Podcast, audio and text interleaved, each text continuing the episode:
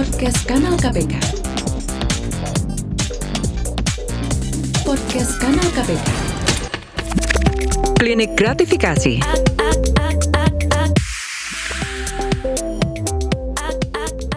Halo kawan aksi, ketemu lagi di program Klinik Gratifikasi tentunya di podcast Kanal KPK bersama saya Wiwik Julian. Nah sebelumnya, uh, sebelum saya memulai perbincangan kita di hari ini, saya mengucapkan selamat menunaikan ibadah puasa bagi kawan aksi yang tentunya saat ini sedang menjalani hari puasa.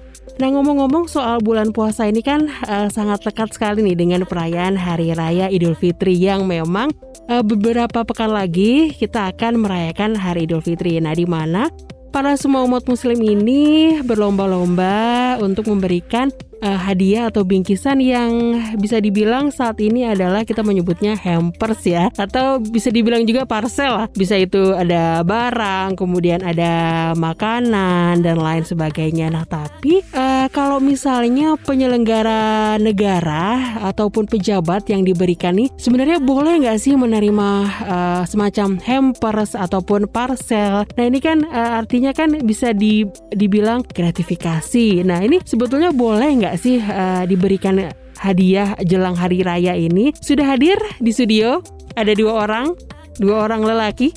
Ada uh, Bapak Sugiharto merupakan grup head 5 program pengendalian gratifikasi dan juga ada Pak Deni, Pak Deni Suardini merupakan Inspektur Jenderal Kementerian Agama. Bagaimana Pak puasanya hari ini lancar semua?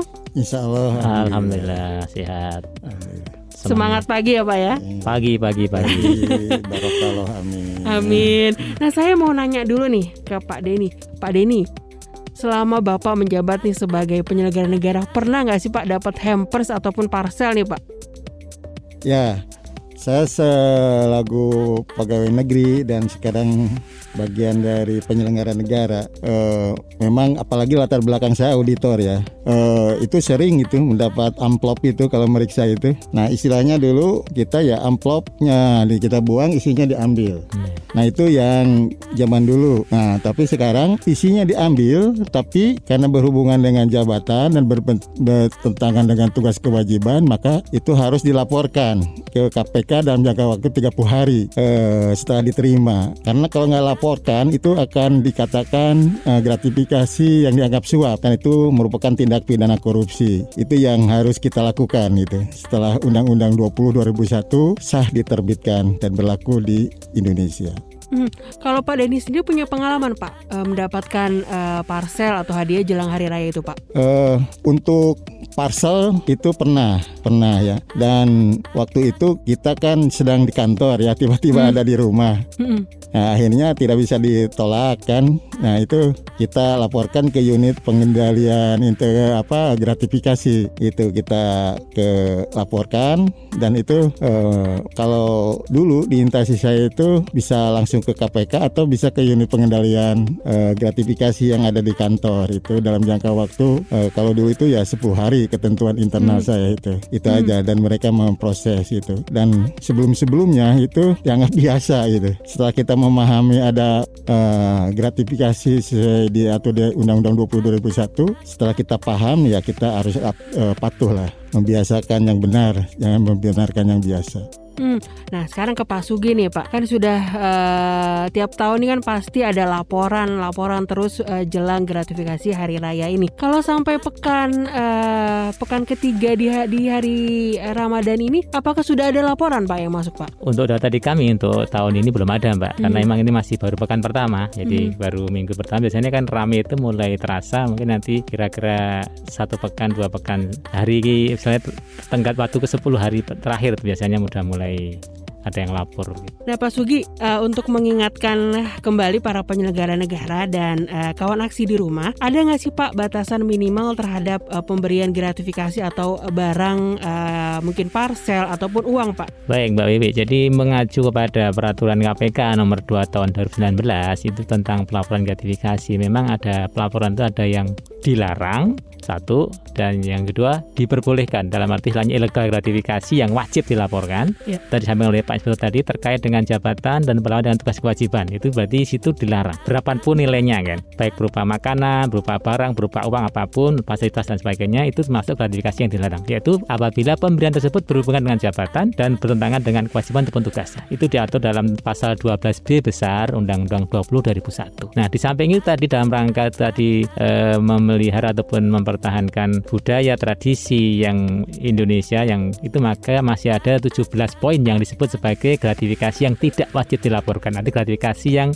diperbolehkan diterima. Ada beberapa 17 poin itu antara misalkan pemberian dari pihak keluarga itu Mbak itu masih diperbolehkan silahkan berapapun nilainya silahkan diterima. Asal syaratnya satu, si pemberi tersebut keluarga tersebut tidak sedang dalam ada potensi konflik kepentingan. Misalnya sedang melakukan kegiatan auditor kah atau sedang melakukan usaha perizinan atau bahkan mungkin sedang bekerja dalam ranah kewenangannya itu berarti kan ada konflik kepentingan. Yang kedua misalkan terkait dengan pemberian eh, hadiah dalam rangka eh, dana pribadi misalkan tabungan, investasi, berlaku umum seperti itu. Dan beberapa lagi nanti bisa dilihat di peraturan KPK nomor 2 tahun 2019 ada 17 poin Mbak situ. Nah, di situ yang yang diperbolehkan. Nah, di luar itu dalam hal ini saya konteks dalam konteks misalnya parcel lebaran, parcel hari raya itu kan tidak terkait dengan tidak termasuk dalam 17 poin itu berarti itu termasuk kategori yang dilarang, yang wajib dilaporkan. Hmm. Nah, bagaimana kalau misalkan berupa makanan, maka dalam edaran kami nanti setiap tahun kami misalnya untuk mengingatkan kembali, merimen kembali, membuat surat edaran terkait dengan gratifikasi dalam hari raya. Ya, seperti itu. Nanti misalnya di situ kita akan lakukan pengingatan kembali misalnya e, melalui surat edaran. Untuk tahun 2020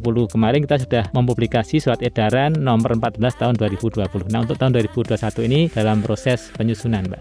Baik, ya. baik. Jadi berapa tuh nilainya? Kalau hari, e, hari raya berapa nilai itu dianggap suap. Karena apa? Pemberian tersebut diberikan atas dasar tadi faktor jabatan. Yang kedua, hmm. secara sumpah jabatan, secara e, kode etik itu dilarang. Berapapun nilainya. Ya, Berapapun ya, nilainya. Kalau misalnya di tahun uh, 2020 nih Pak, hmm. uh, berapa Pak uh, gratifikasi yang dilaporkan ataupun yang diterima KPK Pak? Menurut data yang kami kumpulkan dari tahun 2017, 18, 19, 20, lah untuk tahun 2020 kemarin itu terkait dengan hari raya ya, terkait hari raya itu ada uh, jumlah pelaporan kami itu ada 772 Nah ini terdiri dari misalkan makanan atau barang yeah. barang mudah busuk itu senilai eh, sejumlah 251 laporan dengan jumlah nilai diperkirakan 178 juta ya 207.899 ribu. Hmm. Nah kemudian juga berupa parcel atau barang lainnya tadi yang misalkan masih bisa dilelang begitu itu ada 441 laporan dengan nilai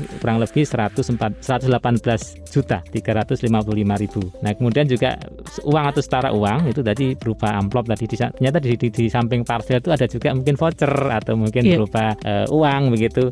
Atau mungkin uang pecahan yang kemarin lagi tren ya lima ribu itu kan misalnya yeah. seperti itu. Itu sejumlah 80 laporan dengan nilai kurang lebih 218 juta. Mm-hmm. 998 500 nah sehingga total semua dari data kami di tahun 2020 kemarin terkait dengan hari raya jelang hari raya adalah 772 laporan senilai 815 561 504 nah seperti itu mbak Hmm, nah, lumayan hmm, banget berarti lumayan, ya Pak ya? lumayan ya. Nah, itu yang yang kami terima Ya hmm. mungkin masih ada pelaporan-pelaporan yang belum belum belum disampaikan, mungkin sudah disalurkan langsung tanpa diinformasikan ke OPG atau mungkin tidak diinformasikan kepada KPK atau tadi itu masih dianggap rezeki sehingga dia diam-diam saja. Diam-diam gitu. aja. Nah ini yang perlu kita bekerjasama dengan Kementerian Agama bagaimana memberikan satu pemahaman bahwasanya gratifikasi terkait dengan jabatan itu termasuk haram. Haram ya. Nah Pak, uh, kalau trennya lima tahun belakang atau tiga kita tarik mundur deh tiga tahun belakangan ini makin uh, naik uh, jumlah uh, penerimaan gratifikasi atau mungkin bahkan turun, Pak? Kalau data kami secara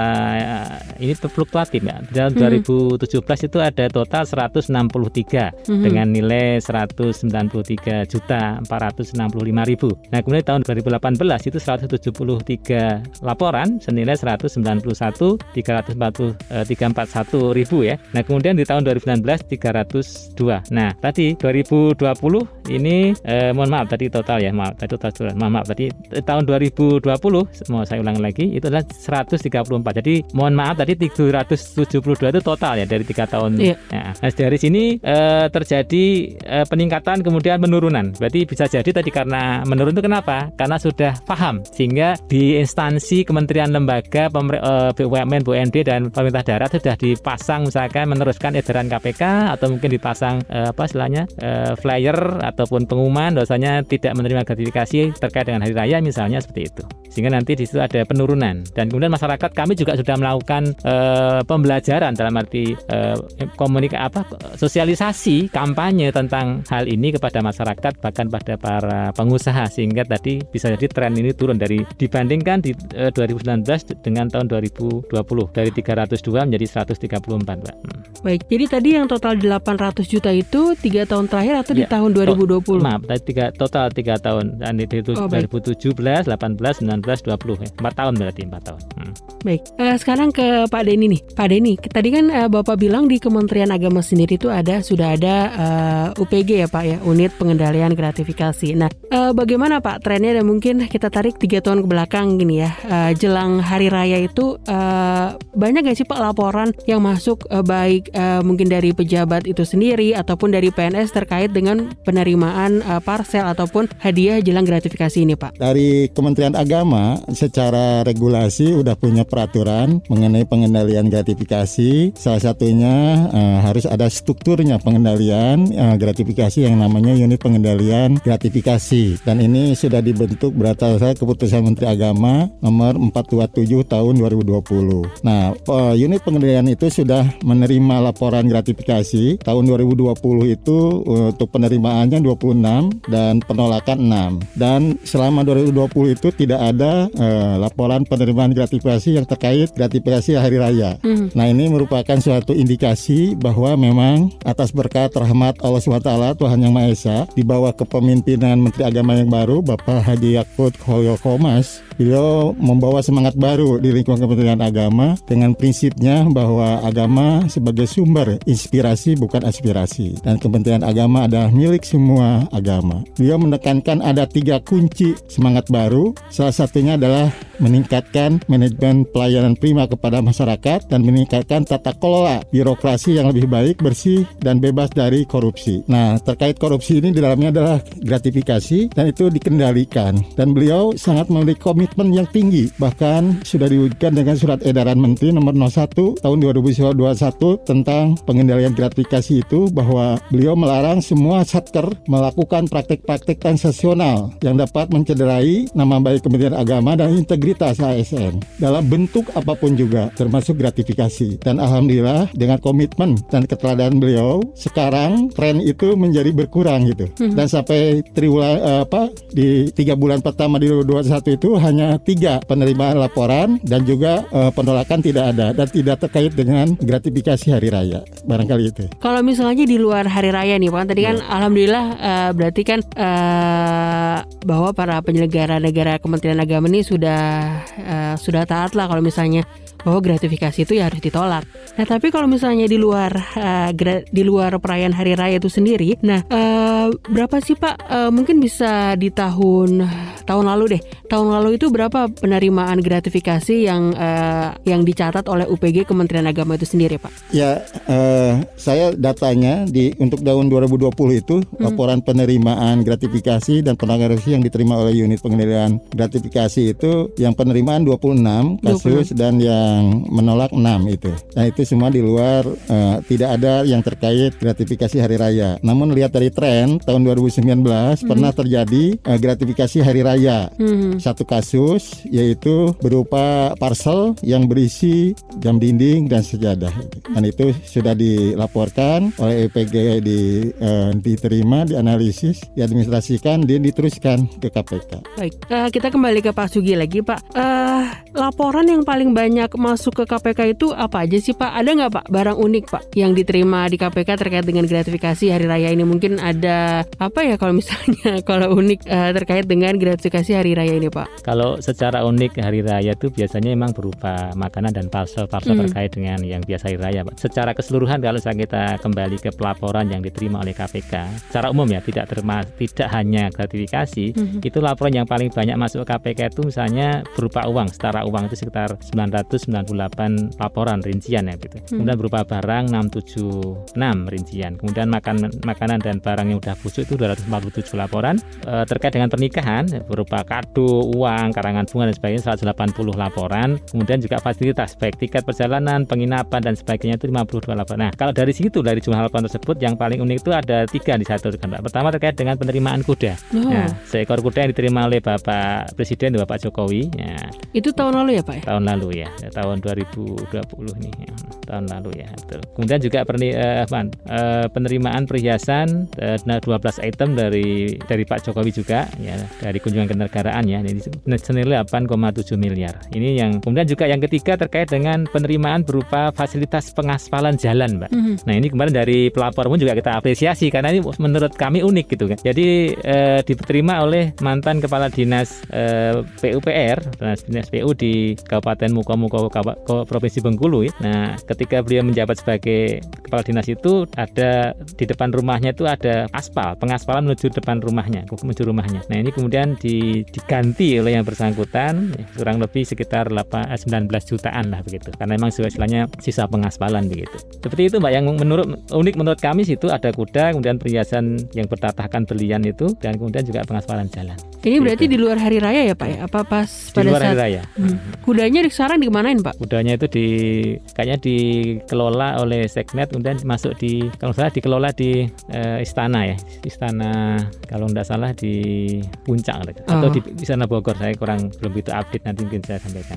Baik. Jadi setelah di, diserahkan untuk dikelola menjadi uh, bahasanya apa ya aset ataupun aset negara gitu ya Pak? nah, aset, aset negara begitu. Kalau nggak di Bundaya Bogor mungkin di Cipanas mungkin ya. Baik. Nah ini kan kalau misalnya berbicara terkait dengan uh, pemberian hadiah di saat gratifikasi hari raya rasanya pasti tiap tahun akan ada gitu ya Pak. Nah sejauh mana sih Pak KPK eh, nih melalui Direktorat Gratifikasi ini memberikan sosialisasi lagi-lagi terkait dengan uh, menolak untuk uh, yang namanya menerima hadiah jelang hari raya Pak. Nah dan bagaimana juga memberikan kesadaran kepada para penyelenggara negara kita ya Pak yang yang masih berpikir ah ini uh, apa namanya masih saudara atau mungkin uh, ah hanya hanya sebuah buah nggak usah dilaporkan lah gitu Pak. Ini ini bagaimana Pak? Ya pertama kami pengen dilakukan KPK emang selalu uh, terjadwal dan proaktif ya sekaligus juga uh, berulang-ulang apa yang dilakukan KPK dalam melakukan cegah gratifikasi khususnya dari raya itu kepada kementerian lembaga kepada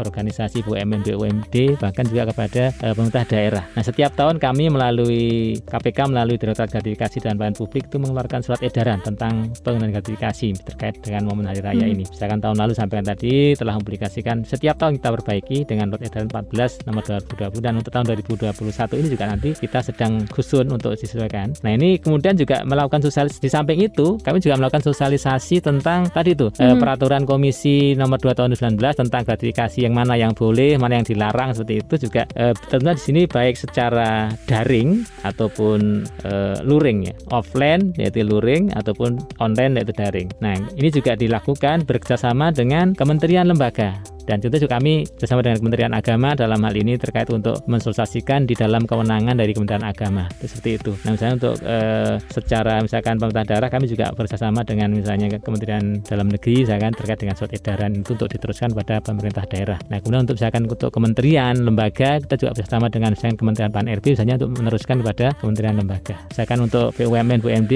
kita biasanya bersama dengan Kementerian BUMN misalkan untuk e, industri jasa keuangan misalnya kita juga akan bekerja bersama dengan uh, OJK untuk meneruskan kepada jajarannya.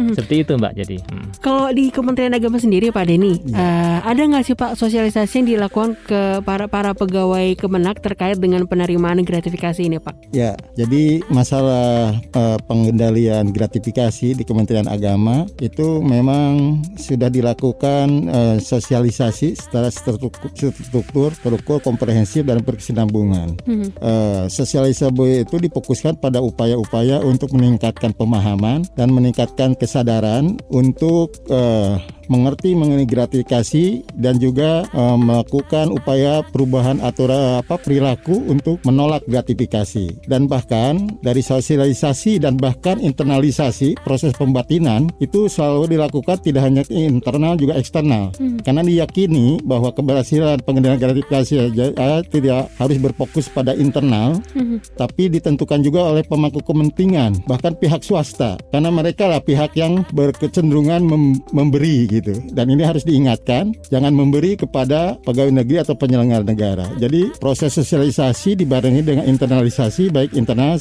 maupun ke eksternal yaitu pemangku kepentingan di Kementerian Agama. Ini yang kita lakukan. Dan yang paling penting itu memang partisipasi semua pihak sangat menentukan keberhasilan pengendalian gratifikasi. Dan alhamdulillah eh, bahkan kerjasama dengan KPK melalui BIMTEK secara e-learning hmm. juga kita ikuti program-program dari KPK. Nah Pak, kalau misalnya ada pegawai uh, di Kementerian Agama itu sendiri nih yang yang nakal menerima gratifikasi bahkan pada waktu uh, hari raya ini ya Pak ya, hari raya 2021 tentunya ini ada sanksi nggak Pak? Sanksi uh, tentunya internal uh, dari Kementerian Agama itu sendiri terhadap para penyelenggara negara ataupun PNS yang menerima gratifikasi hari raya ini Pak. Ya, jadi yang namanya gratifikasi itu kan pemberian dari arti luas. Namun kalau gratifikasi itu terkait dengan atau berhubungan dengan jabatan dan bertentangan dengan tugas dan kewajiban, maka itu dikatakan gratifikasi yang dianggap suap. Nah, hmm. kalau gratifikasi dianggap suap itu udah kategori tindak pidana korupsi. Dan itu kalau diterima itu harus dilaporkan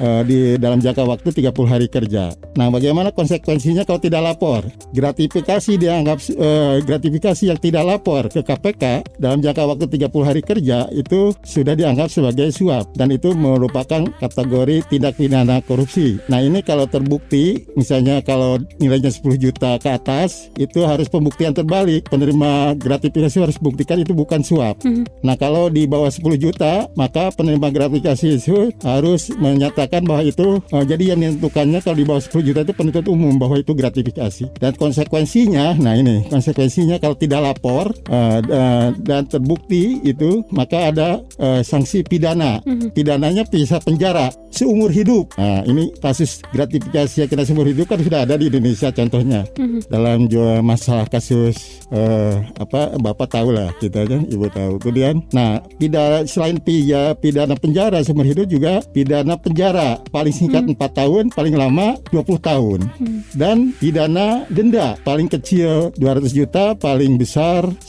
miliar jadi tidak main-main nih konsekuensi hukumnya ancaman pidananya dan merujukan wujud penindakan itu sangat uh, ketat dan ini uh, aturan internal yang mengacu kepada aturan eksternal hmm. di Undang-Undang 20 2001 tentang pemberantasan tindak pidana itu di pasal 20 12B ayat 2 itu pasal 12B besar ayat 2 itu itu ancaman pidana itu diberlakukan bagi uh, salah satunya adalah penerima gratifikasi yang tidak lapor. Baik Pak, semoga uh, para penyelenggara rajin ya Pak kalau misalnya menerima gratifikasi yang harus dilaporkan. Uh, ke Pak Sugi nih, Pak Sugi. Yeah. Uh, khusus di tahun ini ada nggak sih Pak perubahan aturan terkait dengan pencegahan penerimaan gratifikasi hari raya ini? Ada nggak Pak aturan khusus ataupun Untuk, uh, sosialisasi khusus Pak ya, di tahun siap. ini Pak? Untuk tahun ini sih ada uh, terkait dengan perubahan misalnya hampir secara umum hampir sama Pak. Cuman ada kami tekankan di sini pada poin satu tentang penerimaan gratifikasi itu uh, kami tekankan bahwa pegawai negeri ataupun penyelenggara negara wajib menjadi teladan yang baik bagi masyarakat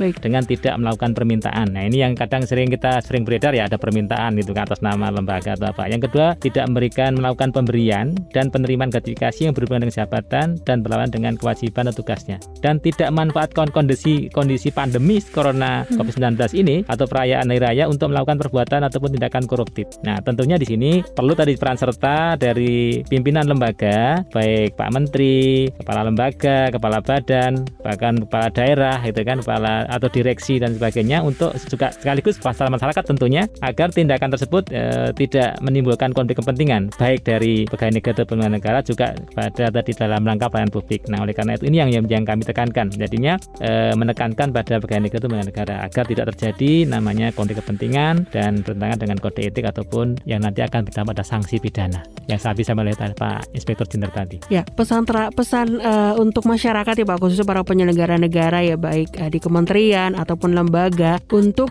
eh, tidak menerima hadiah apa pun jelang gratifikasi hari raya maupun dalam kesempatan apa pun Pak. Boleh dong Pak. Ya, tadi saya menekankan kembali bahwasanya eh, hadiah terkait dengan jabatan yang berhubungan dengan jabatan dan berlawanan dengan kewajiban petugasnya itu dilarang oleh eh, undang-undang Hmm. dan sekaligus juga oleh agama. Nanti mungkin Pak Irjen bisa menyampaikan itu. Walaupun memang mohon maaf yang beredar di kalangan eh, tokoh agama itu tahadu tahabu tuh saling memberikan hadiah akan timbul kasih sayang itu memang terkait dengan hadiah yang berhubungan dengan misalnya tadi tradisi budaya, eh, sosial budaya, apa eh, kekeluargaan kerabatan. Namun ketika yang bersangkutan menjadi pegawai negeri ataupun dengan negara, pemberian hadiah terkait dengan jabatan itu dilarang. Maka hadisnya adalah dalilnya adalah hadis tentang Ibnu Lutbiyah ketika Rasulullah Nabi memerintahkan Ibnu Lutbiyah memungut zakat dari para kenia maka ketika lapor ya Nabi ini zakat si fulan ini hadiah untukku maka Rasulullah melakukan tiga hal. Pertama menegur kalau engkau duduk di rumahmu saja apakah dapat hadiah? Tidak. Maka yang kedua ambil hadiah tersebut setorkan untuk eh, Baitul Mal. Yang ketiga setelah selesai sholat berjamaah Rasulullah mengumumkan artinya me- me-